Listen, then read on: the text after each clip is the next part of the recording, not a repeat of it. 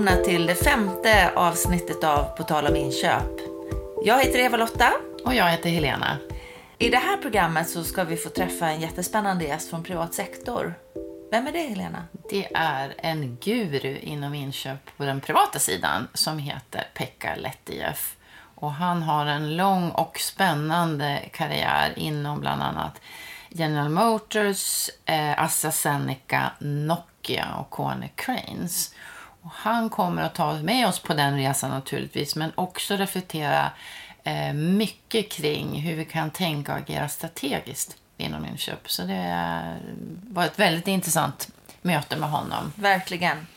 Så det ska ni få ta del av. Och utöver det så ska vi försöka summera året lite grann och blicka framåt. Vad vill vi prata om under nästa år, 2019? Men nu kör vi va? Jajamensan.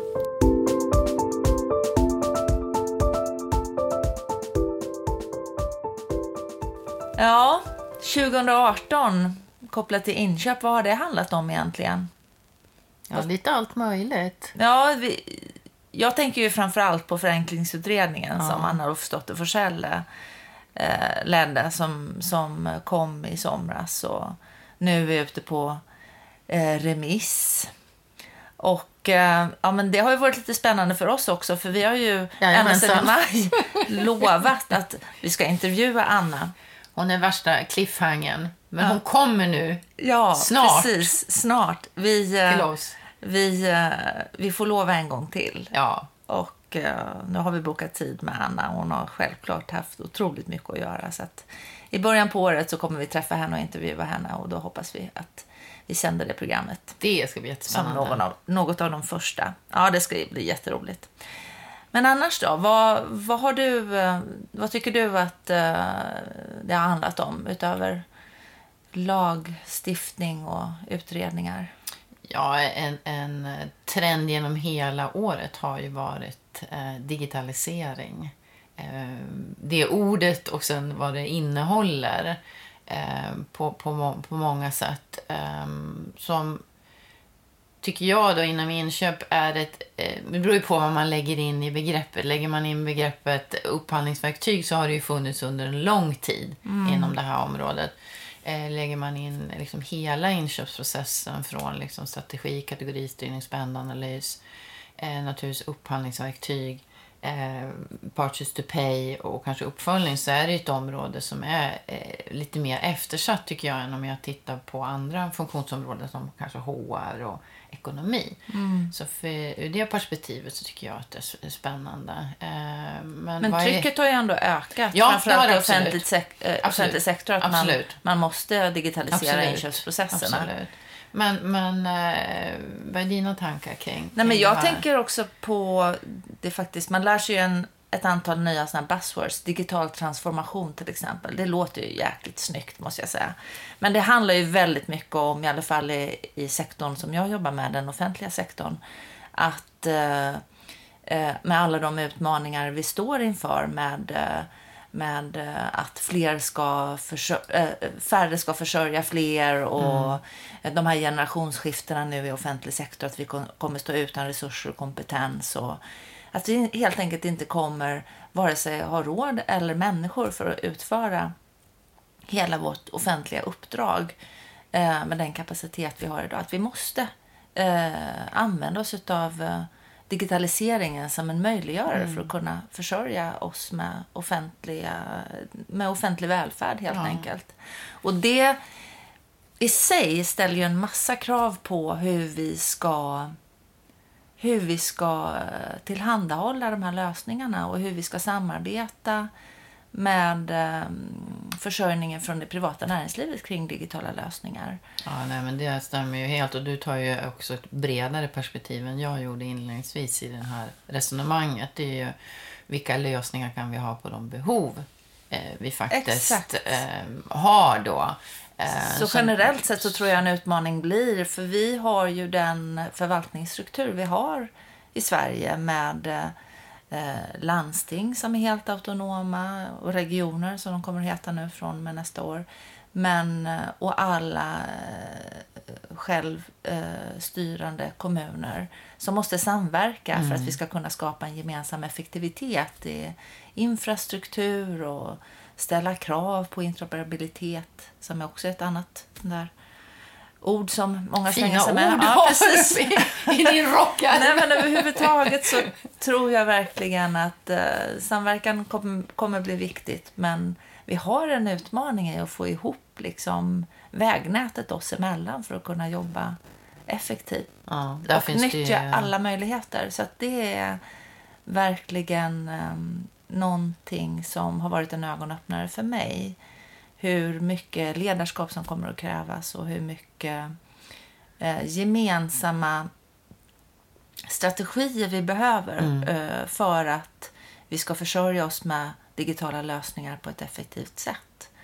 Ja, jag ser ju enorma möjligheter med, med den bild du, du målar upp just nu. Att, att samarbeta istället för var och en gör sin egen då förstudie och kanske sin egen så att säga, beslut kring vad det nu är. Det kan vara system för den egna verksamheten men det kan också vara lösningar för de behov man har. Att det finns enorma möjligheter där. Ja, och att man inte uppfinner hjulet Exakt. flera gånger. Exakt. Och att alla kanske inte kan vara experter på alla olika frågor utan man kan ta hjälp av varandra. Och här tycker jag det finns en otrolig vilja till att samarbeta, utbyta erfarenheter.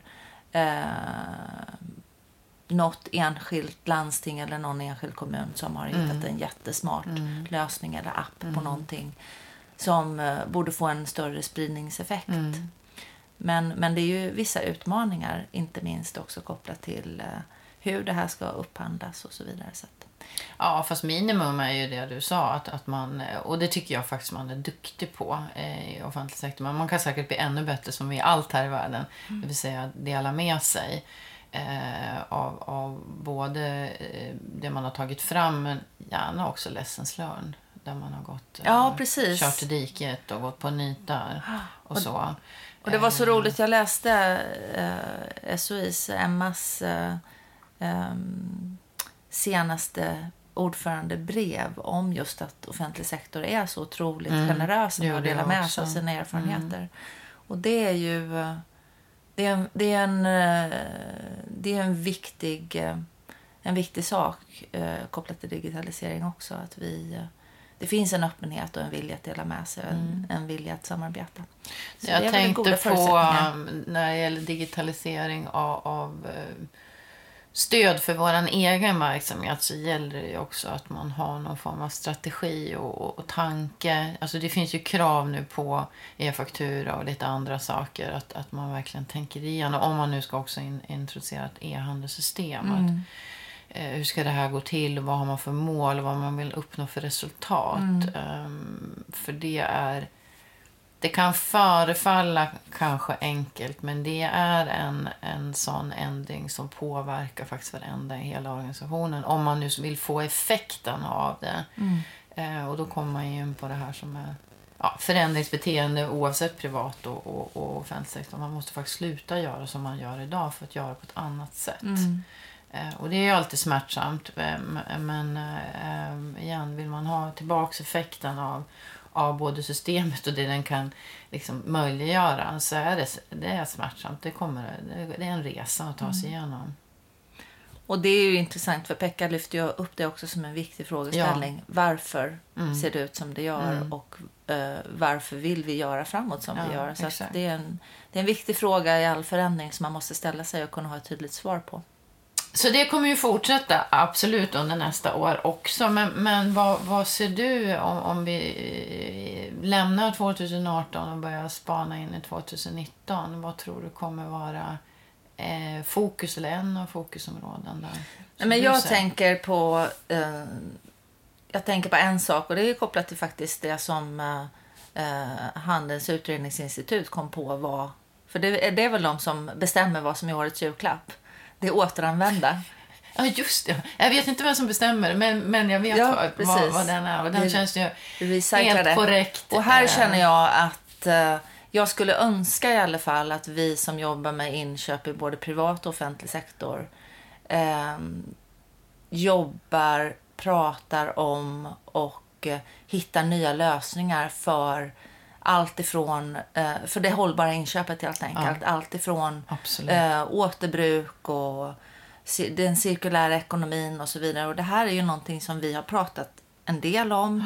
Men jag tycker att vi kanske behöver ta ytterligare ett steg. För vi står ju ändå eh, för ansvaret att eh, sköta inköpen till våra organisationer som vi representerar. Och hur kan vi eh, tillsammans med marknaden skapa eh, nya lösningar och nya affärsmodeller kanske för att, för att eh, stimulera en ökad återanvändning. Där tror jag att eh, vi behöver eh, ta ett jättekliv de kommande åren. Och det känns lite grann som att eh, vi har pratat mycket. Det finns många spännande och bra initiativ. Men nu måste vi börja jobba på bred front med de här frågorna. Så hållbart inköp hoppas jag att 2018, nej, inte 2018, 2019. Det är ju det här, man, man vänjer sig så småningom att det kommer ett nytt år och pratar om 2019. Men att 2019 eh, handlar mycket, mycket mer om. Och eh, även framöver också.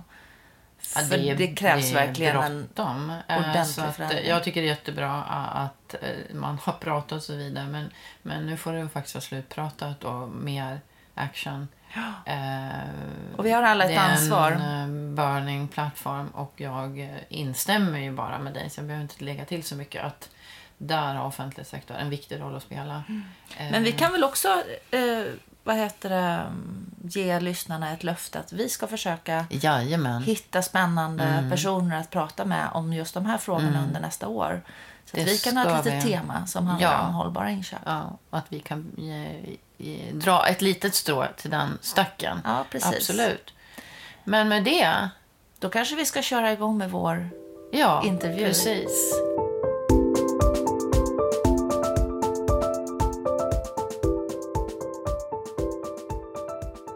Hej Pekka Lettieff och hjärtligt välkommen till våran podd. Hej och god morgon. Hej! Jättetrevligt att vara här. Du är ju verkligen en guru inom inköp och vi är så nyfikna att få ställa frågor om din resa genom olika organisationer och positioner och vad som har tagit dig ifrån där du började till du är idag. Så kan du börja lite och berätta, vem, vem är Pekka Lettieff? Ja, kort lite om mig själv. Pekka, 57 år ung, inte gammal. Utan karossen som vi brukar säga som en gammal bilmänniska kanske ser ut som en 57-åring men inom mo- motorstyrsystemet ligger i alla fall på 20 års ålder. Underbart. Uppvuxen i Trollhättan, en liten stad norr om eh, Göteborg. Eh, Ekonomutbildad, har en eh, ekonomiexamen från eh, Växjö universitet från någonstans mitten på 80-talet. Läste faktiskt externredovisning som ett huvudämne och var älskade debet och kredit. Eh, Och det är rena ödet, varför, eller det är väl många öden som har gjort att jag hamnat där jag är idag egentligen för att med tanke på mina studier då så älskar jag ju externredovisningen, jag älskade koncernredovisning, jag älskade att göra bokslut och så vidare. Så det, det följer ju sig ganska naturligt då efter utbildningen att jag sökte jobb på revisionsfirmor. Och eh, ja, jag, jag tror som alla andra som har varit jobbsökande i alla år, man lägger in en massa ansökningar, man ringer folk men det, det kommer ingenting ur ketchupflaskan. Men vad som hände mig egentligen då att eh, jag blev kontaktad av Saab Scania personbilsgruppen mitt under den här sökprocessen. Och Hade de- du skickat in någonting? Nej, jag hade inte skickat in överhuvudtaget någonting till dem. Utan de frågade, vill du komma på en intervju här? För vi håller på att titta på att vi måste fullständigt bygga om våra, alla våra materialflöden på inkommande material till bilfabriken i Trollhättan. Och så ringde de dig? Så ringde de mig och det, och det visade varför de ringde mig var egentligen att min systers eh, då, dåvarande pojkvän jobbade där och han hade tipsat personalavdelningen att eh, prata med den här typen. Det, det kan kanske vara någonting. Så jag träffade dem där och eh, jag fastnade rätt fort för det för att vi, jag tror vi satt och pratade en timme med varandra med HR och, så, och sen åkte jag därifrån och innan han kom hem så ringde de tillbaka och sa så här, vill du ha jobbet? Och då slutar det, då, det slutar med hela att jag började som materialplanerare på Saab. Mm. Och det jobbet gick ju ut på effektivisera flöden från eh, vissa kategorier av leverantörer in till produktionslinjen eller pressverkstaden eller karossverkstaden. Då. Och eh, då ändrar jag kurs egentligen för då inser jag liksom att herregud, det här är ju mycket, mycket roligare än att hålla på med redovisning egentligen. För du har jobbat med människor, du jobbar med internationella kontakter och sen i och för sig så fanns väl elementet om förbättring som jag har haft i alla mina jobb. Att du måste göra någonting bättre, du måste utmana dig själv, du måste utmana organisationen. Så egentligen där börjar startskottet för mig eh, med min inköpskarriär. När är detta?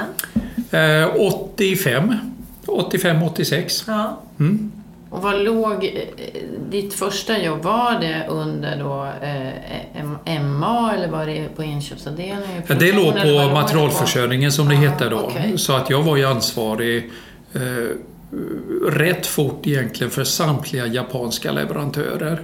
Och det var ju en rätt så stor logistisk utmaning där att hur ska du kunna köra just in time? Hur ska du ha en hög lageromsättningshastighet som skulle ligga på över 300 gånger per år? Och sen har du bara ta hänsyn till exempelvis med japanska leverantörer, oftast eh, båtfrakt, 5-6 veckor på sjön. Vad gör man då med det flödet för att få effektivitet i det flödet? Och se till att givetvis kvaliteten är rätt, kvantiteten är rätt och så vidare. Eh, vad, vad gjorde du? Ja, jag jobbar med logistikavdelningen och eh, ja, jag jobbar framförallt med leverantörerna. Vi effektiviserar hur vi lämnade prognoser till dem för det var en väldigt mekanisk process i början. Då började jag använda det första digitala redskapet redan då. Vi faxade leveransplanerna till leverantörerna så att de fick informationen fortare. Och eh, Bland annat så ökar vi frekvensen av skeppningar per vecka. Traditionellt tyckte alla då att det går ju en båt i veckan. Mm. Det gör det givetvis med, en, med, en, eh, med ett rederi. Eh, men sen började jag prata med logistik. Vad ska vi göra här istället? Ja, det finns ju fem rederier så vi börjar första steget var att vi börjar jobba med två rederier så är det två skeppningar i veckan. Och så vidare. Okay, okay. Och hur länge hade du det jobbet och vad blev nästa då? Eh, jag hade väl det jobbet ungefär i två, strax över två års tid. Eh, och då blev jag kontaktad av inköp. Och det, det, var också rätt intressant. Det var en inköpschef som ringde till mig, eller en gruppchef på inköp till mig som ringde, en gammal Volvo lastvagnare. Och han sa att vi behöver förstärka inköp och vi har fått ett bra intryck av dig för att du jobbar väldigt eh, kreativt och konstruktivt med leverantörerna och du kan ju bidra kanske någonting i inköp också. Och då frågade honom att, vad, vad, är den största skillen jag behöver i det jobbet? Frågade honom. Och det var första gången kanske jag tappade hakan. För han sa det gäller att du kan hålla riktigt fina tal under middagarna med leverantörerna. Stämde det? Var det det viktigaste? Det var absolut inte det, det viktigaste överhuvudtaget. Utan det var ju driva förbättringsarbete. Givetvis, så det spelar väl ingen roll vilket jobb du än har så måste du ha en viss social kompetens i och med att du jobbar ihop med andra människor. Men att, eh, man är ju ingen form av, den rollen är ju ingen underhålls, eh, underhållningsofficer egentligen. Jag tänkte bara backa bandet lite grann, för du kom ganska snabbt in nu på eh, det här arbetet och på, på Saab. Men vad var dina största drivkrafter när du, eh, när du sökte liksom din karriär? Du sa revision och det här var väldigt roligt. Mm. Men, men var det något, hade du några, som ung, som ung pojke, var det något speciellt som du ville åstadkomma? Uh om jag är riktigt ärlig så måste jag in, Jag brukar säga så här att när jag blir 35 så börjar jag förstå varför jag springer. Och, och, och med det, det, det, som har märkt som kommer väldigt mycket från unga då hos mig att jag alltid hållit på med no, olika typer av sporter som fotboll som alla gör. Jag har spelat basketboll, jag har coachat eh, pojklag i basketboll och så vidare. Men, eh, men i grund och botten är jag extremt tävlingsinriktad. Mm. Okay. Eh, och, och, och eh, alltid, det finns alltid någonting man kan vinna, någonting man kan övervinna. Och det märker jag fortfarande idag är att jag älskar utmaningar som alla andra tycker är jävligt obehagliga. Ursäkta min ordval. Men, men, men att det, det, det, ligger nog i botten väldigt mycket. Det är att driva förändring hela tiden och sen försöka bli... Det är inte något egointresse som styr det att jag ska vara bäst i allting men, men det, det är en hunger att göra förbättringar. Mm. Och det märker jag på eh, när vi gör saker och ting hemma med min fru Ulla också då att eh, jag försöker fortfarande effektivisera alla hushållsprocesser också hemma. Kan du ta något exempel? Någon process som du Eh, exempelvis ett tag så var jag väldigt tvungen att stryka skjortor och jag klockade tiden hur man får bästa möjliga kvalitet i kortast möjliga tid för att slippa stå vid det där jäkla strykbrädet. Eh, men sen tog det ett tag innan jag insåg att jag kunde outsourca alltihopa. Det blev mest effektivt. Ja. Ja. Men det är vad jag än gör om vi målar fasadbitar hemma eller någonting sånt där så går klockan hela tiden i mig. Hur kan jag göra detta så effektivt som möjligt? Men samtidigt måste jag också säga att det, det kan vara väldigt stressande ibland. Ja. För jag kan inte stå där med penseln och bara kleta på lite färg utan det ska gå fort. Men det ska bli bra samtidigt. Är du så att du blir väldigt stressad av att stå i en äh, kafékö när du ser att de inte riktigt har styrt upp sina logistikprocesser? Ja, ärligt talat så kan man ha, inte högt, ingen hör vad jag tänker, men det kan, det kan brusa till mellan öronen ibland. Jag tycker att det är så jäkla ineffektivt. Ja, det var en liten parentes, men det var lite spännande att höra ingången i... äh, Mm. För äh, uppenbarligen så var det en skill då som du hade som också inköpsavdelningen såg där på... på. Uppenbarligen, men jag insåg kanske inte den själv.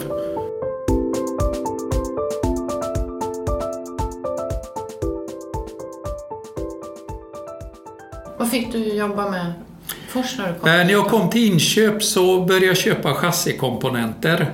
Och det är allting från fram och bakaxlar och bromsar. Och eh, det- är ju, ja, om man säger så att det, vad, vad som hände under den tiden egentligen när jag kom in på inköp. Eh, själva inköpsjobbet var ju väldigt utmanande och, och eh, eh, och så att säga tillfredsställande. Eh, Men att kryddan på moset kom ju väldigt fort då när jag hade knappt varit ett år på inköp när det började spekuleras om att vi skulle gå ihop med General Motors. Eh, Och eh, vi fick också tillika en ny inköpschef som kom in som många känner till, herr Bo Andersson. Och eh, vad han pratade om och vad han ville uppnå det, det taggar ju mig ännu mer. Jag tänkte äntligen nå- någon person som inte bromsar utan som gasar under kontrollerade former. Så vi började jobba ihop då i slutet på 80-talet, början på 90-talet och eh, egentligen den ytterligare positiva utmaning vi fick är att hur ska vi integrera Saab Automobils inköp med GM Europas inköp? För att det är ju ändå så här att för många medarbetare är ju företagskultur och identitet i företaget väldigt, väldigt viktigt. Och det skapar ju en enorm osäkerhet för många individer när, när två stora företag slås ihop. Eller ett litet företag och ett stort företag. Och eh, många ställer ju den här frågan, vad ska hända med mig? Nu kommer jättedraken GM in här och de har på den tiden hade de 6000 inköpare globalt och vi kanske var ett hundratal man på Saab. Och nu kommer de att köra över oss fullständigt med sina volymer. Men att eh, så som jag personligen tog ju den utmaningen. Ett, vad kan vi lära oss av dem? De gör säkert någonting som är bra, men det måste ju finnas någonting som vi gör bra också.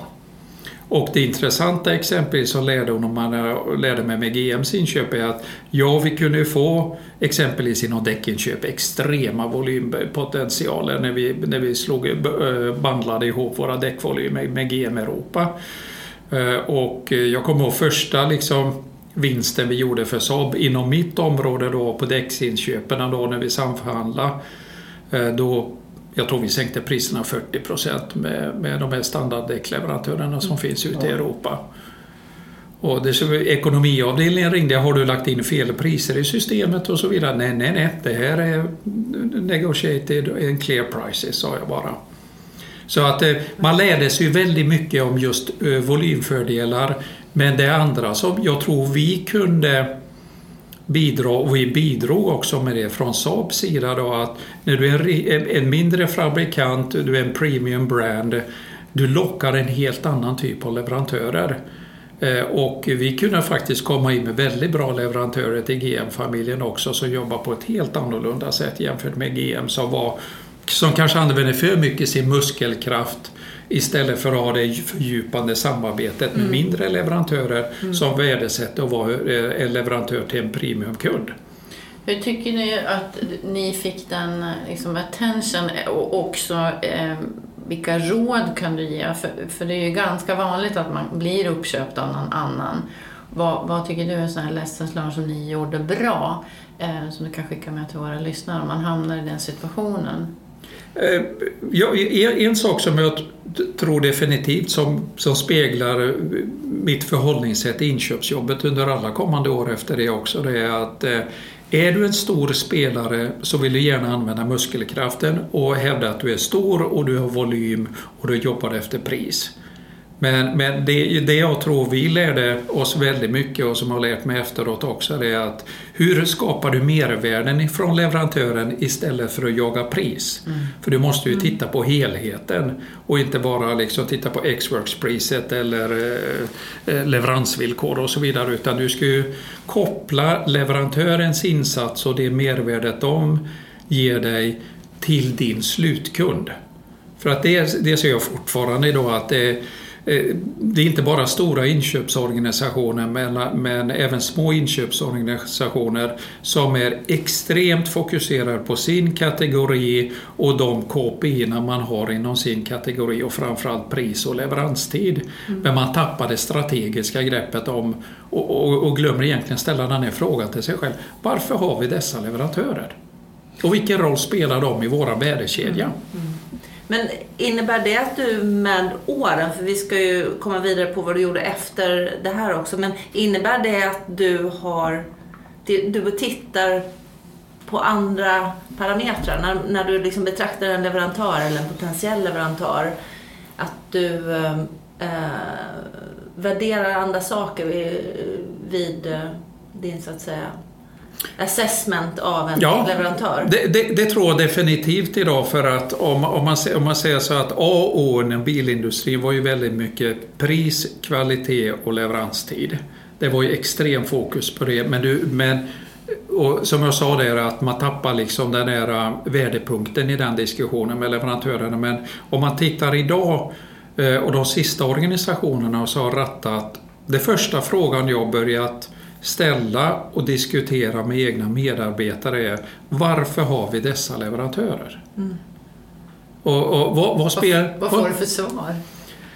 Ja, men så, ja, en, del svarar ju spontant i början ja, därför att de har ju varit med sen, sen mannatiden med mm. oss. Mm. Mm. Men, men, att man, och, men jag försöker så att säga ibland provocera men även improvisera eller, eller inspirera folk där och säga så att vi måste, vi måste lyfta upp oss lite grann och titta uppifrån och ner på hela värdekedjan mm. och hitta vad vill vi att leverantören ska göra för oss så att vi blir bättre mm. gentemot våran kund? Mm. Och det kan, det kan vara utmanande för vissa individer för att den traditionella inköparen är ju skolad på det tidigare sättet. Att du, du hanterar dina kategorier och du rattar dem med vissa KPIer och, och, och sen fightas man internt om varför eh, man inte använder den leverantören mer för de har ju bra performance eh, så att säga siffror. Men att eh, det en annan fördel som jag har märkt då just när man börjar ifrågasätta rollen av leverantören är att du får ett helt annat gehör med dina kollegor i företaget, med dina stakeholders. Om vi säger affärsområdesansvariga, produktionsansvariga och så vidare. För att du plockar in leverantörskåren i ett helhetsperspektiv mm. Mm. och kan argumentera om varför vi behöver göra vissa förändringar. Mm.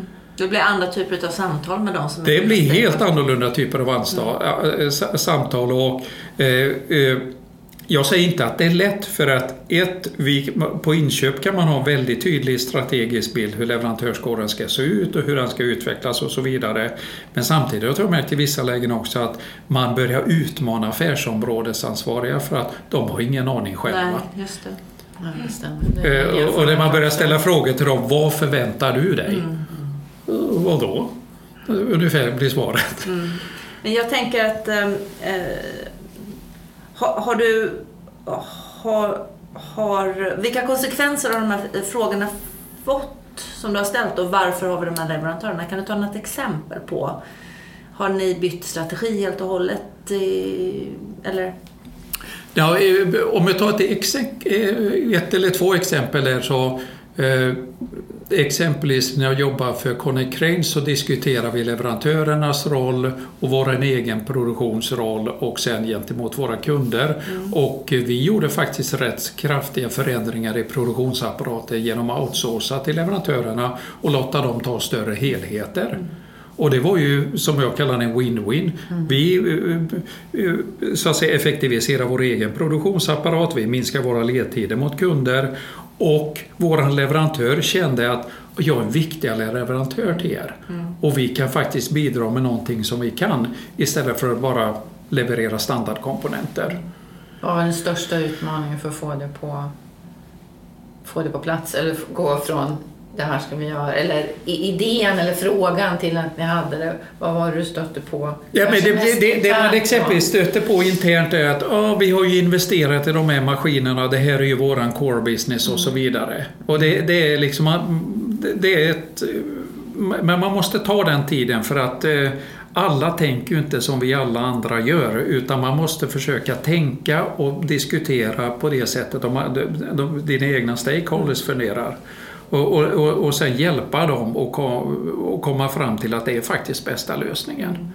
Då blir ju verkligen inköpen en på riktigt strategisk försörjningsfråga. Ja, för att det, ett bra exempel som jag brukar alltid säga till folk är att eh, och, och kollegor och medarbetare när de säger så att ja, leverantörerna är bara leverantörer och de ska bara göra vad, vad vi än säger.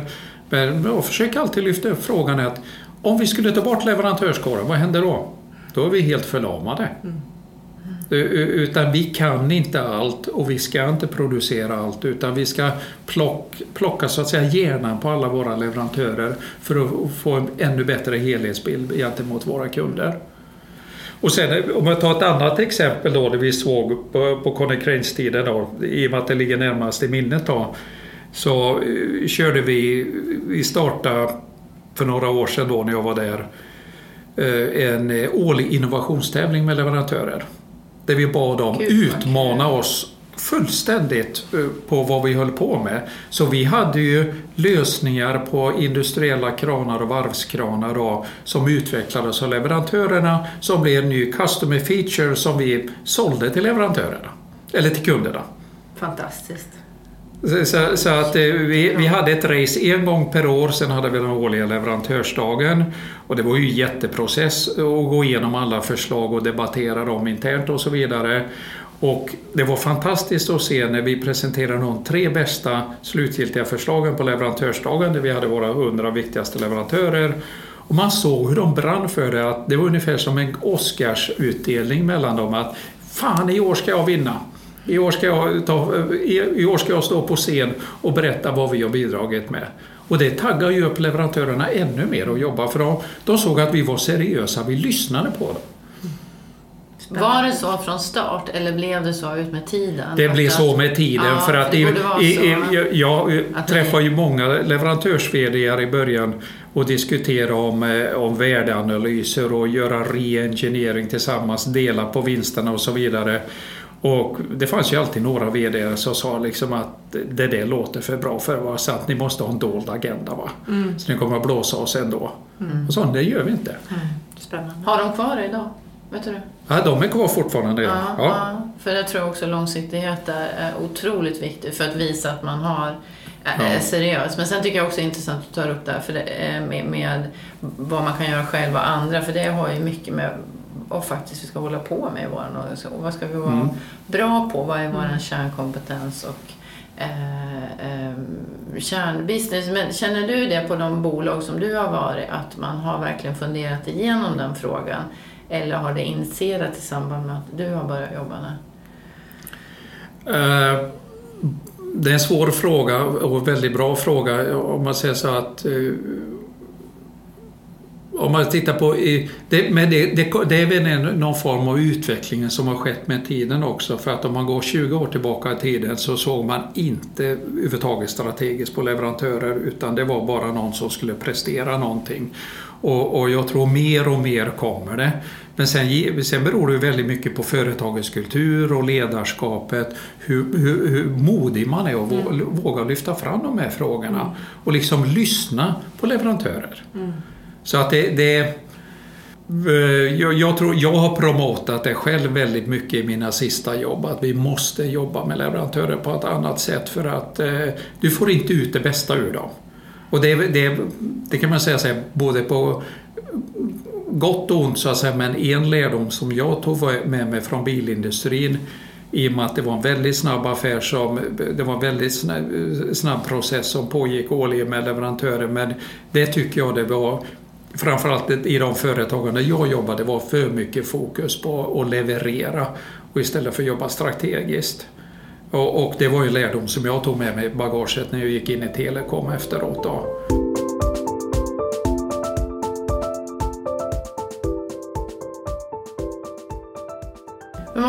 Inte kanske backa bandet, men, men hur länge var du i, inom Saab och, och GM-världen och, och vad gick du sen? Eh, totalt i 12 år inom GM-världen. Men gick du vidare ytterligare steg inom GM innan du eh, lämnade? Ja, så att jag var inköpschef på Saab i Trollhättan. Ja, det var väl två och ett halvt år ungefär. Och sen kom nästa eh, kallelse då att jag skulle förflyttas till Detroit och, och köra en kategori Worldwide på den direkta sidan. Så jag flyttade till Detroit mm, någonstans eh, 94-95 och, och eh, kommer dit som en gammal Trollhättebo och du får en PC framför dig, gör en Excel-rapport imorgon. Jag har aldrig sett Excel i hela mitt liv. För vi hade inga, vi hade inga, vi hade inga laptops överhuvudtaget på Saab-tiden och i GM Europa hade inga laptops. Sen får man en laptop där och, och eh, ja, du har ju dina chemical categories som du kör. Kan inte du köra en summering på Excel? Det första jag fick göra på den tiden, ta reda på vad är Excel. Så det slutade någonstans vid fyra tiden på morgonen så hade jag lyckats lära mig Excel och knåpa ihop en rapport på mitt nya ansvarsområde. Och då hade jag ett ansvarsområde som låg på, det var en bråkdel egentligen av hela GMs worldwide spend men jag hade två miljarder dollar i mitt inköpsspend inom olika chemical categories. Mm. Och, och eh, syftet med, med den rollen var ju varför jag blev antagen till den rollen eller erbjuden den rollen var ju att, att uppenbarligen så igen så folk att jag hade en förmåga att få olika människor att jobba ihop. Så då fick jag kategoriansvar worldwide så jag hade ju folk i Tyskland, England, Sverige, Brasilien, Mexiko eh, som jobbar med likartade kategorier och få dem att börja jobba ihop så vi börjar bandla globalt volymer inom Chemical, eh, inom GMs inköp. Allting från eh, ytterspeglar, glassystem eller instrumentpaneler och så vidare. Vad är dina bästa tips för att få det att funka? Vad är det du gör för att få ihop ett sånt spritt gäng? För det är ju både liksom nationaliteter och det är kanske andra kulturer beroende på vad de har jobbat i för organisation. Om, de, om ni har köpt andra bolag utomlands också, vilket är inte ovanligt. Jag, jag, tror, jag tror liksom det är ju olika knep man använder men jag tror då, om man tittar på den röda tråden som jag tror har kört väldigt mycket är att vi kan faktiskt mycket mer tillsammans än du kan själv. Jag börjar alltid, liksom, om jag tar ett exempel med stålinköp på Connect var ju samma sak där att eh, om man tittar på Cogsen på Connect så köptes det stål eh, som den största kategorin till samtliga fabriker och samtliga fabriker hade en, en egen inköpare. Och alla inköpare trodde att de visste allting om stål. Mm. Och sen satte vi dem kring ett bord och började prata öppet. Och det visade sig att mm, kanske ska jobba ihop. Kan, det, istället för min treåriga erfarenhet så har vi 40 år erfarenhet kring mm. bordet och vi vet så mycket mer av leverantörer. Så just dela med sig av kunskapen och då blir du starkare genom att jobba tillsammans. Även om att du kan jobba individuellt i vissa lägen. Men att du får ett kompetensnätverk och ett erfarenhetsnätverk utan dess like. Men det är ju det att du, du samlar dem fysiskt. Ja, i, I början måste man ja. samla fysiskt för vi människor är ju sådana att vi, vi vill gärna se eh, och, och, vara närvarande tillsammans och diskutera frågor. För att tar du det via e-mail eller telefon så får du inte den personliga kontakten. För att det är ändå så här att vad vi än säger med den här munnen vi är födda med så läser vi 80% från varandra via kroppsspråket och sättet vi, hur vi förhåller oss till varandra. Så jag tror alltid på det att samla folk ihop först. Och, och, och sen ventilera frågan varför sitter vi ihop här? Men AstraZeneca, ja, Ja, AstraZeneca det, det, var ju ingen plan överhuvudtaget att jag skulle komma dit, att jag skulle lämna bilindustrin. Men det måste jag, skälet varför vi flyttade tillbaka till Sverige efter 12 år inom bilindustrin var egentligen att då med min förra fru så hade vi vår yngste son Fredrik. Vi konstaterade att han inte utvecklades som han borde göra. Och det tog väl efter ett års undersökningar hit och dit så fick han eh, diagnosen autism. Och då sa vi inom familjen att eh, vi har ju två val. Ett är ju att flacka runt omkring, runt om i världen med olika befattningar för mig inom den GM-cirkusen. Eller så flyttar vi hem. För att hemma är ju alltid gräset grönare. På andra sidan, det är alltid grönare, grönare gräs på andra sidan. Eh, och, eh, så att eh, jag öppnade ju alla portar och släppte ut bara information då att jag var på väg hem. GM hade ingenting att erbjuda mig i Sverige. De, de kunde liksom fixa ett jobb exempelvis på, i Göteborg men det hade, det hade ändå resulterat att jag hade rest åtta dagar i veckan okay. utanför Sverige. Och det hade inte varit någon mening med att ha ett jobb i Sverige då för mig. Så att jag blev kontaktad av, du kommer inte ihåg vilken headhunt det var men det är inte relevant. Men de kontaktade och sa att vi skulle vilja diskutera med dig för du verkar ha rätt profil när det gäller förändringsarbete och realisera förändringar. För då hade ju AstraZeneca precis gått ihop. Mm. Och, och, eh, vi har ju lovat marknaden extrema mängder miljoner och miljarder i synergivinster. Så jag, jag kom in, blev, fick ett jobb i Södertälje då, jag skulle hjälpa till. Men att eh, Väldigt intressant bransch, fantastiskt företag.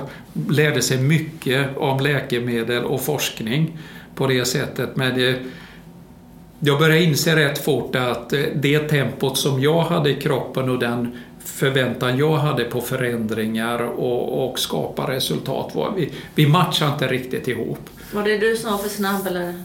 Ja, jag tror, jag tror jag hade satt ribban för högt. Mm. Eh, men givetvis var det baserat att jag diskuterar väldigt mycket då i rekryteringsprocessen om det att är ni riktigt seriösa? Vill ni leverera det här?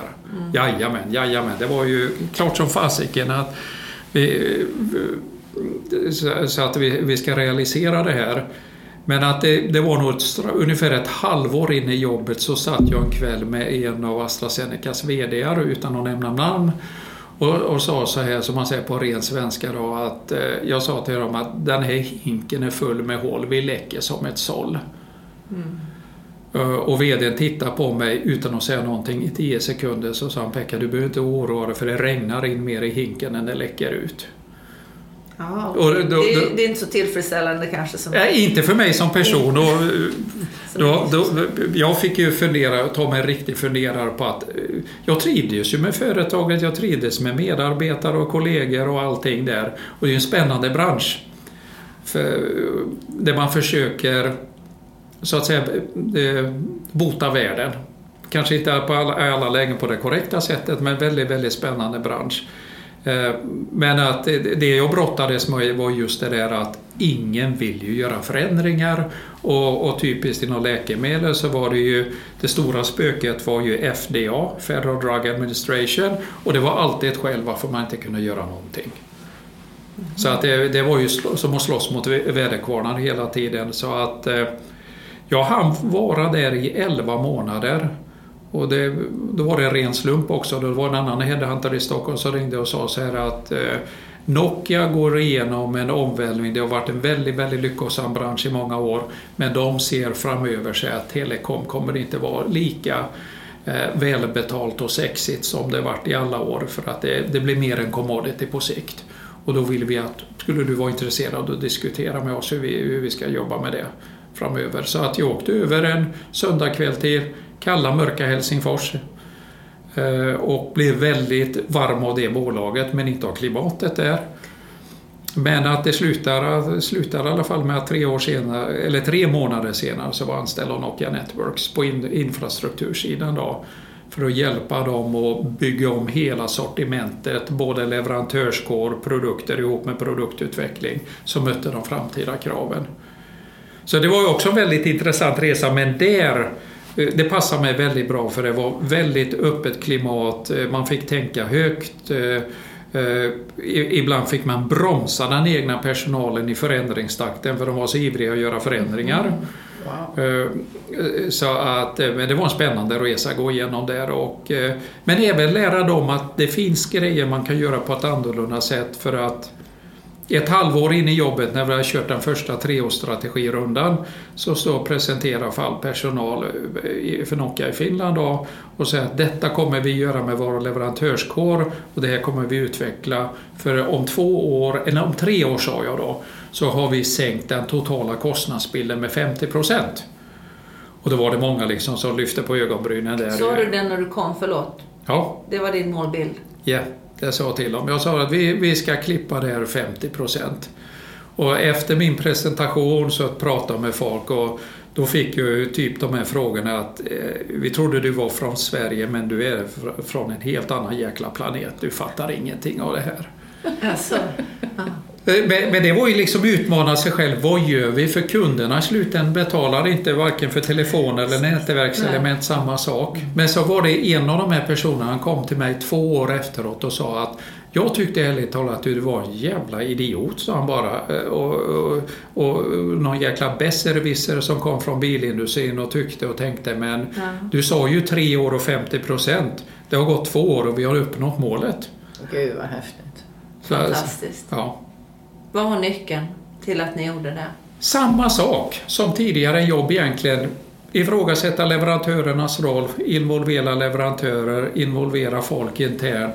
Och vi hade exempelvis ett eh, gemensamt program med affärsområdena och produktutveckling där vi gemensamt jobbar igenom långsiktiga kostnadsmål och utveckla produkter därefter. Men hade inköp gjort det själva så hade de inte fixat det. För då hade det blivit bara ungefär som att försöka squeeza ut pengar ur en gammal torr trasa.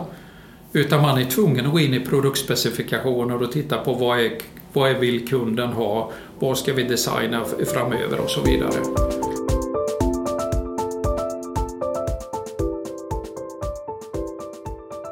Pass viktigt tror du att både i bilindustrin skulle jag vilja påstå och i Nokia så fanns det ju en burning plattform. Att gjorde ni inte det här så, så, så går det ju inget bra för de här varken branscherna eller bolagen.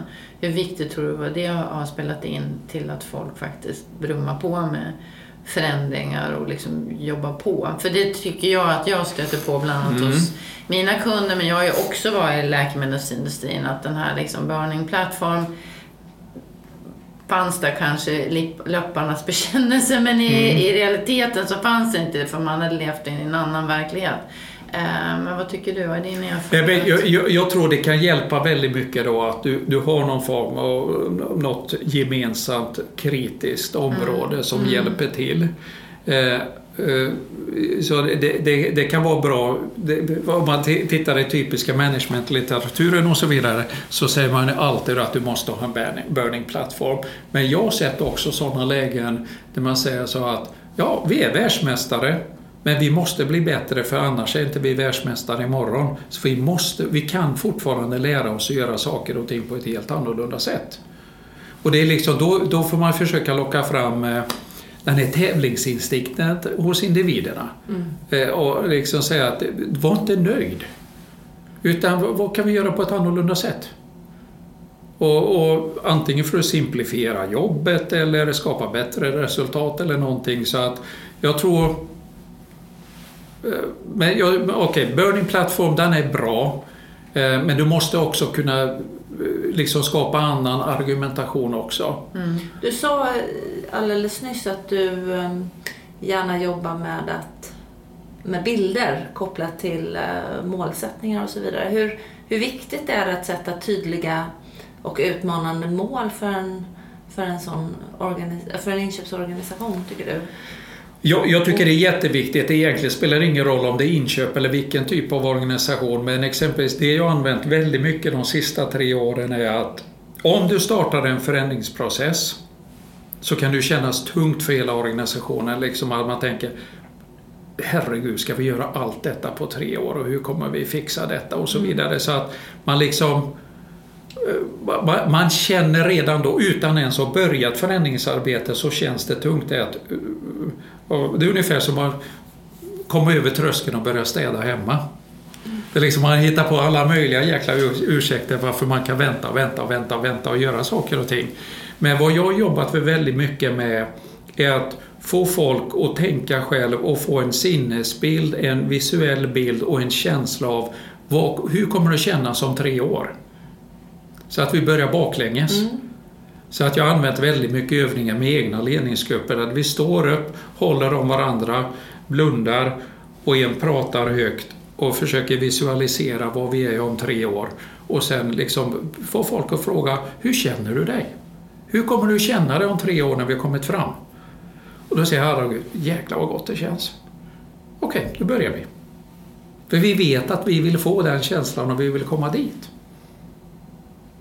Så istället för mekaniskt, mekaniskt, mekaniskt köra på. Utan försöka få, för det är ändå så här att, ja, som hon sa, att vi är ju inte mer än människor allihopa och, eh, det är viktigt att komma in i den rätta sinnesstämningen också och kunna visualisera var vi är på väg någonstans. Så att jag brukar alltid prata om att eh, exempelvis nu när jag har coachat chefer är att din förmåga som chef, du måste kunna måla en framtidsbild, en positiv framtidsbild var vill driva organisationen som sträcker sig utöver den andra horisonten. Så det räcker inte bara att se över horisonten utan när du kommer över den så kommer en ny horisont. Mm. Men att du måste kunna visualisera och, och beskriva var, var vi är på väg någonstans och, och, och sen kan det finnas olika angreppssätt, vilka steg man tar och vilka aktiviteter man gör för att komma dit. Men hela tiden hålla den i liv. Mm. Jag tänker just att det är en utmaning att sitta på en, en inköpsfunktion och försöka få den visualiserade bilden. För du är otroligt beroende av att dina stakeholders delar, att ni delar bild.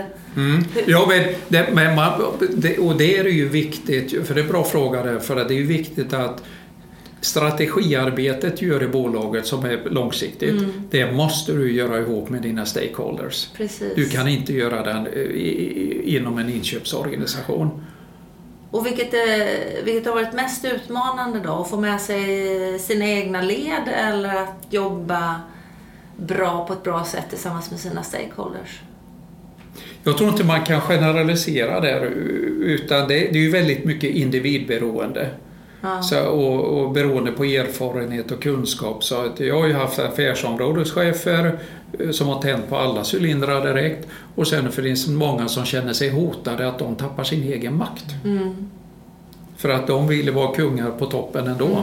Och, och sen samma sak måste jag säga i ärlighetens namn också att vi har ju haft inköpare också som inte vill utvecklas. Utan de är nöjda med att skyffla papper fram och tillbaka över bordet. Så, så att det är, men det, det är som jag sa också då att, eh, att eh, ett där nere, man måste ju få den nere framtidsbilden förankrad i organisationen och sen får man använda olika medel för att komma dit och i vissa lägen så är man ju tvungen också att byta blod i en inköpsorganisation så att du får nya drivkrafter som vill förändras. Men det är ju inget fel på de som inte vill förändras, men att det är rätt personer, det är härliga personer. Jag brukar säga att då har de tyvärr hamnat på fel plats. Utan vi måste hitta dem rätt jobb, där de kan få utlopp för sina tankar och funderingar.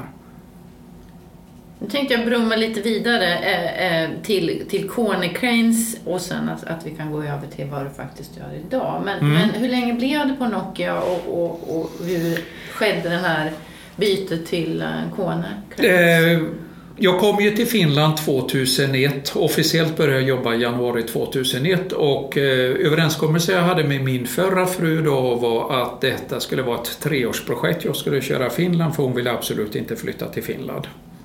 Eh, och och eh, till dags dato så har jag bott 18 år i Finland. Så jag har blivit kvar. Trots vädret. T- Trots vädret, men jag har aldrig kommit överens. eh, Eh, kommit till, eh, till rätta med hur det vädret inverkar med långt mörker och så vidare. Nej, men i alla fall, jag, jag var i sex år på Nokia. Trivdes väldigt, väldigt bra för att det, det är ett företag som drivs på väldigt, väldigt starka värdegrunder, fokuserar väldigt mycket på värdebaserat ledarskap, respekt för individen, respekt för kunden, respekt för leverantören och det var ju en extrem förändringstakt. Eh, Egentligen i vilket vägskäl jag hamnade senare under Nokia-tiden var då att eh, det var väl fem år in i det jobbet så gick vi ihop med Siemens Communication. Eh, slog ihop två jätteföretag med två fullständigt olika kulturer. Vi körde väldigt mycket kulturövningar internt i samband med mergen. För när, när Nokianer exempelvis Eh, skulle rita en bild på flipcharten hur vi jobbar ihop så ritar de en stor sjö med olika typer av fiskar som simmar omkring lite hur som helst och som samverkar beroende på situationen, med ibland med hajar och ibland med guppis. Och när Siemensfolket ritar sin bild på väggen så ritar de ett hangarskepp. Och det var kaptenen på bryggan där uppe och det var maskinen Raum och det var alla olika funktioner. De sa att ingenting fungerar om man inte har ordning och reda. Eh, Så att det slutade med egentligen att eh, jag sa upp mig bara rätt upp och ner en dag för jag tyckte företaget blev för hierarkiskt och det blev för politiskt. Okej. För jag hade redan på GM-tiden fått eh, under ett antal år feedback för man gick igenom så kallade executive assessments regelbundet på GM. Och genomgående samma feedback jag fick varje år från GM-tiden var att Pekka du är för ärlig.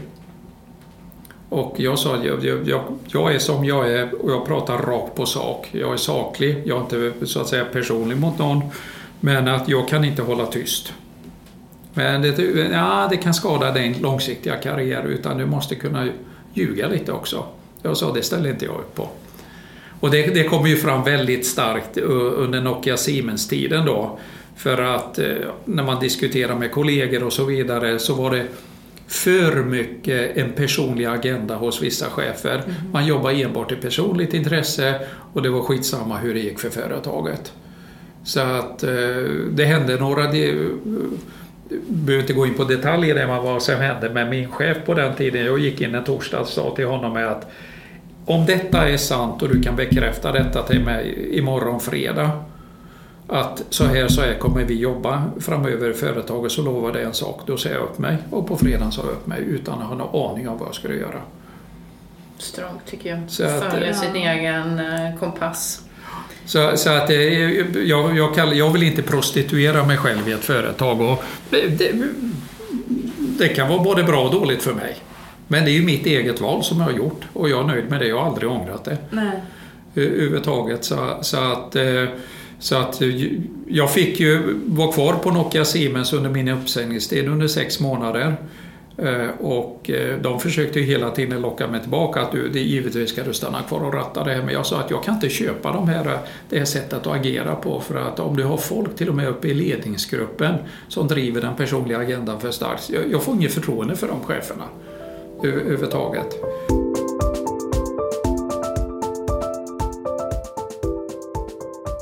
Så att eh, det var då jag kom in egentligen på Conny Cranes och det var rena slumpen att jag träffade den dåvarande VDn Pekka Lundmark. Eh, och vi träffades hos en headhunter i, i, Helsingfors då. Och eh, vi började diskutera och han berättade om Conny Cranes planer att det var ett företag i två miljardersklassen i omsättning och han såg möjligheten då inom hela den här lifting businesses som vi kallar då att det skulle fördubblas inom kommande år. Och sen har vi, vi diskuterat vad, öppet vad som krävs. Ett var givetvis vi måste titta på leverantörskåren. Han hade 65 000 leverantörer inom alla kategorier till företaget på den tiden. Och så vidare. Det var ostrukturerad produktionsapparat och så vidare. och så vidare. Så det slutade med att vi började jobba där. Så vi Hur länge var du där då? I sex år. I sex år. Sex år, så att det första steget var att bygga upp ett helt nytt inköp som var kategoribaserat men som så skulle ha en strategisk inriktning då. Det var bara att börja hyvla ner leverantörer, antalet leverantörer och sen jobba mer strategiskt med leverantörer, rekrytera personal, få en globalt fungerande organisation. Eh, så att det automatiskt så slank jag in givetvis då på produktionsapparaten så det tog ju inte länge innan jag fick ansvaret att ratta hela supply chain. Eh, på Konecranes så var inköp, logistik, alla produktionsenheter worldwide och distribution ut på kund.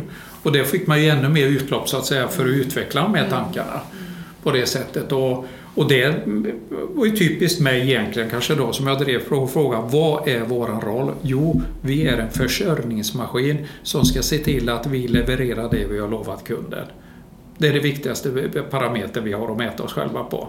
Och inte liksom jobba med isolerade silon inom företaget och peka med stora handen eller peka med flera fingrar mot kollegor att tänk om ni kunde göra rätt så gör vi rätt också.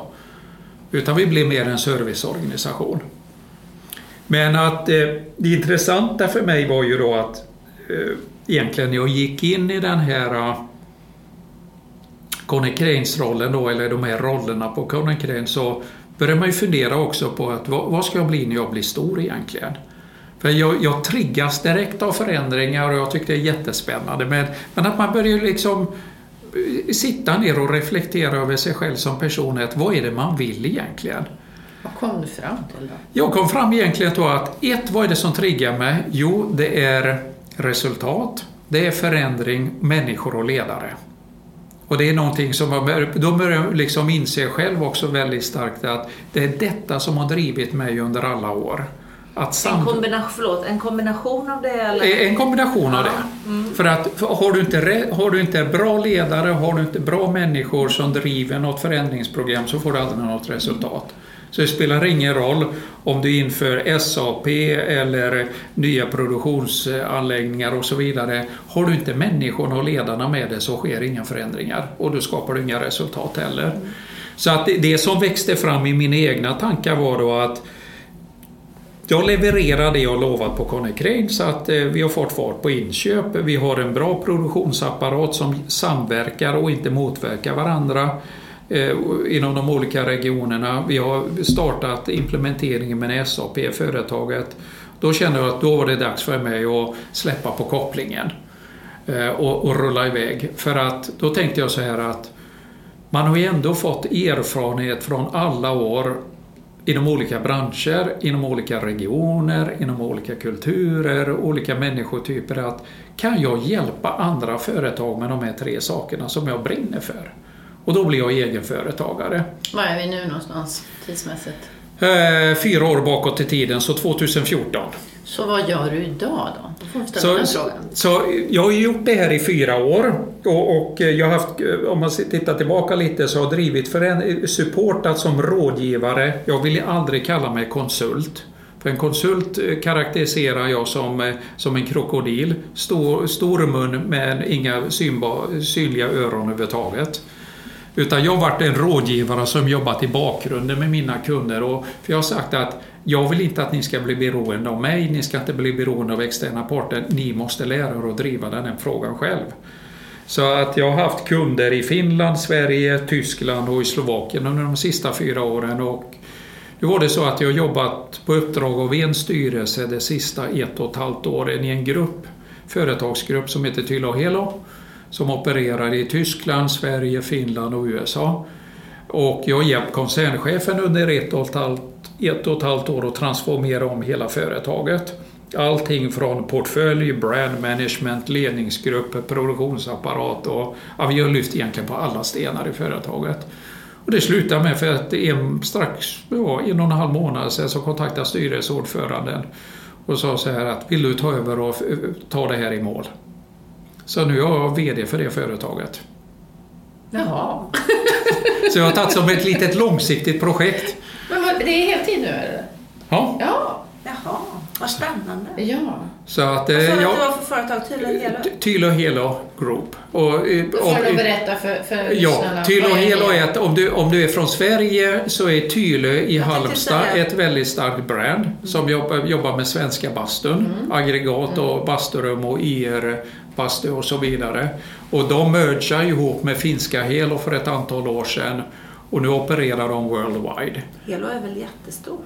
Um, lite mindre än vad Tylö är. Jaha. Helo, Vad, vad är det för omsättning? ja, det är, omsättningen ligger idag strax på över 50 miljoner euro. Okej. Och, och nu när jag träffade all personal för en vecka sedan, en vecka in i jobbet, så har jag sagt att vi ska nå 100 miljoner på tre år. Blev det som på Nokia nu då? Du får ju hoppas. Precis. Nej, jag tänkte så att, att de, nej, får den reaktionen. Men, men, men liksom så att säga att jag, det, det är liksom så här att eh, så, det jag också jobbar med nu, både med min ledningsgrupp inom Tylo och Helo, är det egentligen samma recept som jag alltid kört tidigare. Då, att hur ska vi profilera oss som företag? Ska vi vara bastuaggregatsförsäljare?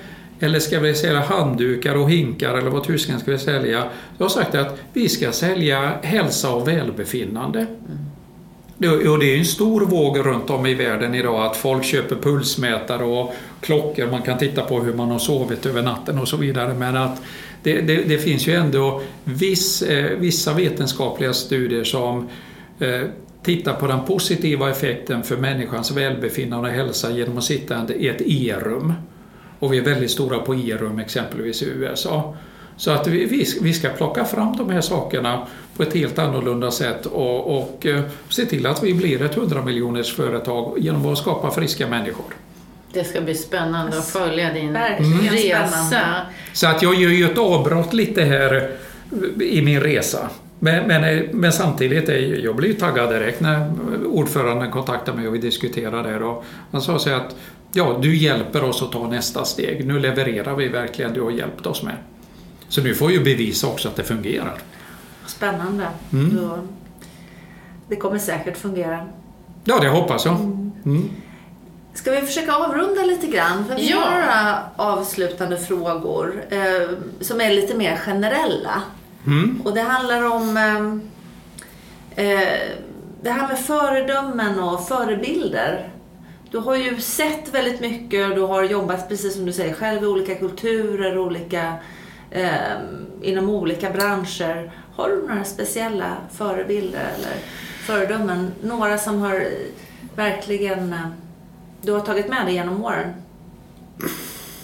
Det, det finns egentligen en person. eh, För att det, finns inga sådana här typ chefer eh, som man kan plocka ut från andra företag och så vidare. Men det, det finns en person som påverkar mig väldigt mycket. Det jag använder ibland själv för att gå tillbaka och titta på videosnuttar om personen. Och det är Martin Luther King. För att han hade en enorm förmåga att inspirera folk. Verkligen. Och, och, och just, just den här punkten att jag har en dröm. Mm. Och han lyckades väldigt bra. Så att jag får gåshud varje gång jag tittar på honom. Så att det, sen, sen har man ju sprungit på folk som man beundrar och respekterar också. Men jag, tycker han, han, jag tror han har påverkat mig väldigt mycket. Och jag tror att jag har fått min inspiration väldigt mycket från honom. Sen behöver det inte vara att man håller med om exakt i ämnet vad alla diskuterar om. Men det är just det att du skapar en samhörighet, en identitet med, med människor. Och sen, då lyfter man också på ett helt annorlunda sätt. Och den här känslan du pratar om. Jag Ja. blir så eh, fascinerad och inspirerad av det du säger, att du samlar ledningsgruppen och så får man verkligen känna hur det känns. Ja. Att det ger så mycket energi. Är det, Det jag, jag, ibland brukar ska jag säga för att min förra fru ibland sa att jag är lika känslomässig som en död abborre på strandkanten. Men, men att jag trots allt så är jag väldigt, väldigt mycket styrd av känslor för att Många har frågat mig i, i de här chefsrollerna haft att när har jag varit mest som stoltast? Och det har jag märkt på det att när folk presenterar något projekt från organisationen eller något man kör tillsammans med andra och jag blir så jäkla stolt över dem när de har lyckats. Och jag får i vissa lägen haft tårar i ögonen. Jag har inget behov själv att stå uppe på kommandobryggan och glänsa över taget. Vad härligt. Ehm, har du några goda tips? Har du några såna bra tips? Läs den här boken, lyssna på den här personen eller ja, det kan vara Det- personliga privata tips också. Det, det, jag tips. säga så här att det, det linkar väl tillbaka vad jag har pratat mer om just det där att, att hitta rollen med leverantörerna och få, få den strategiska infallsvinkeln. Men om man tittar idag, alla älskar att prata om digitalisering idag.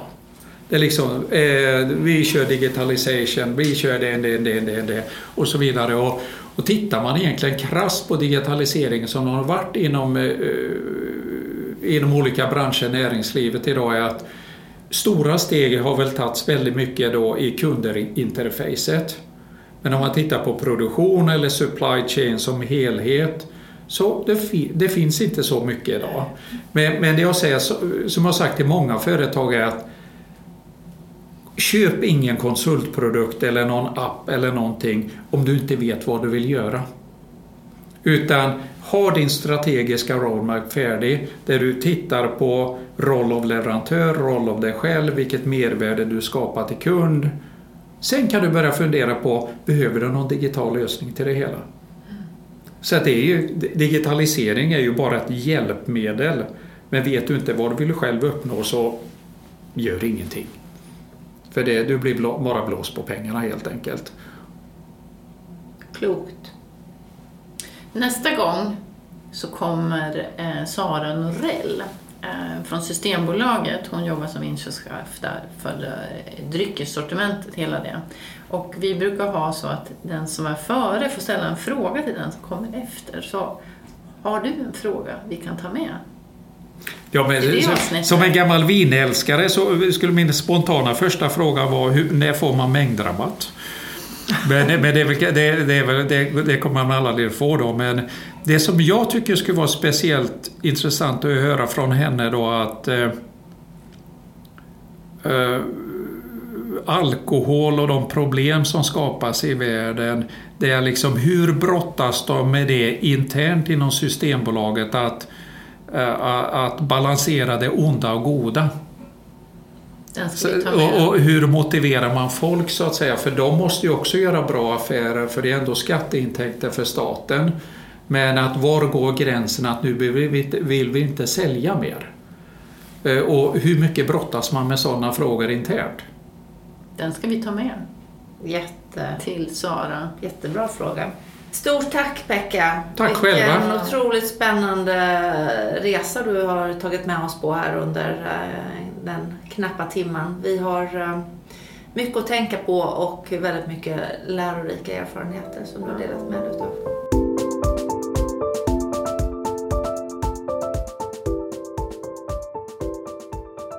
Så, då ska vi ta och avsluta det här avsnittet och det här året. Ja, Ehm, och...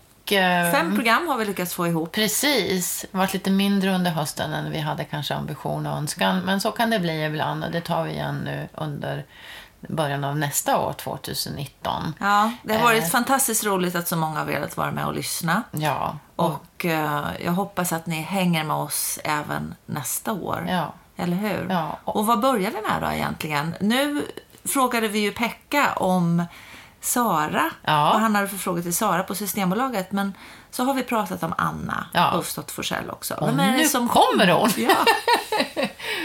Nej, Men det är Anna som är inplanerad i januari som vår nästa gäst. Och hon har ju faktiskt varit på tapeten hela hösten så därför är det flera av våra gäster som har ställt frågor till Sara. Så därför tyck- Inte till Sara utan Nej, till Anna. förlåt. Till Anna. Tur att du är här, Eva-Lotta. Till Anna. Så då gjorde vi så när vi hade Pekka att han fick ställa en fråga till vår näst, nästa gäst som är då Sara Norell eh, som är inköpschef då på Systembolaget. Så därför är den här lilla twisten kanske då. Ehm, Så hörni, vi ses på det nya året och då ska ni få äntligen lyssna på vår cliffhanger Anna Ulfsdotter Forsell. yeah. Som vi dessutom har startat egen, eller kommer att starta egen advokatbyrå. Jättespännande. Det måste vi också prata lite om. Ja, och ehm, vi hoppas som sagt var att ni eh, lyssnar på oss då. Stort tack och gott nytt år till dig också Helena. Ja, gott nytt år Eva-Lotta och till alla lyssnare. Vi syns 2019. Ja, hej